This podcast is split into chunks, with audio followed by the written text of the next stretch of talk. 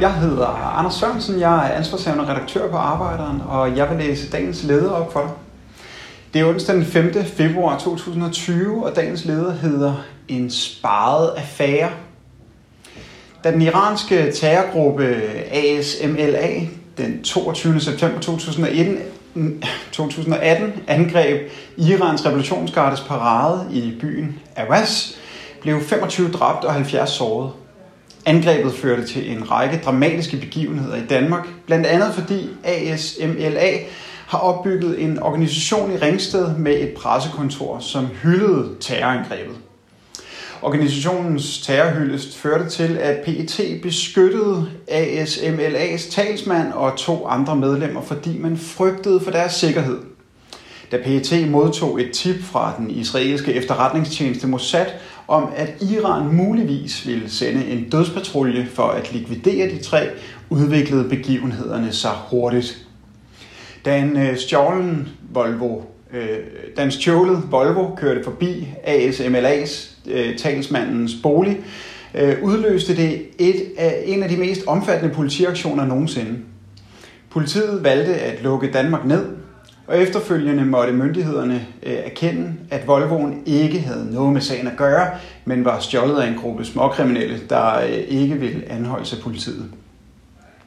Både den daværende statsminister Lars Løkke og udenrigsministeren erklærede dengang, at Iran øh, spionerede og planlagde likvideringer af personer i Danmark, og de trak den danske ambassadør i Iran hjem en måned senere blev en norsk statsborger med iransk baggrund anholdt og sigtet for at have sat iransk efterretningstjeneste i stand til at virke i Danmark.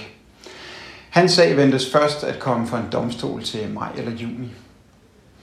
Sagen er omfattende og med mange internationale tråde. PET og Forsvarets efterretningstjeneste har haft et tæt samarbejde med en bred vifte af efterretningstjenester i Norge, Sverige, Holland, Belgien og Israel, men listen er sikkert meget længere.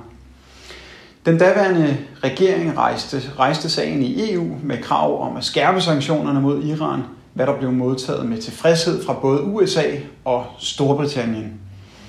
I denne uge skete der så igen en dramatisk udvikling i sagen. De tre medlemmer af ASMLA, som PET har haft under deres beskyttende vinger, blev anholdt og sigtet for at være spioner for Saudi-Arabien, der samarbejder med terrorgrupper i mange lande. Yderligere en iraner er øh, angiveligt, nej, øh, ja, yderligere en iraner, angiveligt en del af den iranske efterretningstjeneste, blev fængslet en absentia, sigtet for forsøg på manddrab og spionage så er ingen ligesom i tvivl om, at Iran fortsat er på anklagebænken. Den danske regering har protesteret over for Saudi-Arabien, men tror ikke landet med sanktioner.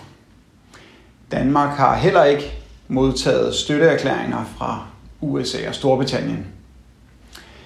Så sagen den startede med Mossads tip til PET om iranske morpatruljer i Danmark, og tippet medførte, at Danmark blev lukket øh, blev lukket ned i jagten på en mistænkelig Volvo. Myndighederne serverede efterfølgende sin version af sagen i medierne, men at vi ikke kender det virkelige indhold i sagen, viser anholdelserne i denne uge med al tydelighed. Mens vi venter på, at myndighederne lægger sine beviser frem, kan man med fordel bruge tiden på at læse udenrigsminister Jeppe Kofods udtalelser på ministeriets hjemmeside. Han skriver blandt andet, at, citat, spionage på dansk jord er fuldstændig uacceptabelt, citat slut. Spørgsmålet er, om det så betyder, at Danmark vil trække sine spioner i udlandet hjem. Du har lyttet til dagens leder fra Arbejderen. Abonner på vores podcast på iTunes, eller hvor du ellers hører din podcast. Du kan også klikke ind på arbejderen.dk for meget mere journalistisk indhold. Du er også velkommen til at følge Arbejderen på Facebook, Instagram eller Twitter, samt tilmelde dig Arbejderens daglige opdatering på Messenger. Vil du i kontakt med Arbejderens redaktion, kan det ske ved at sende en mail til redaktion Tak fordi du lyttede med.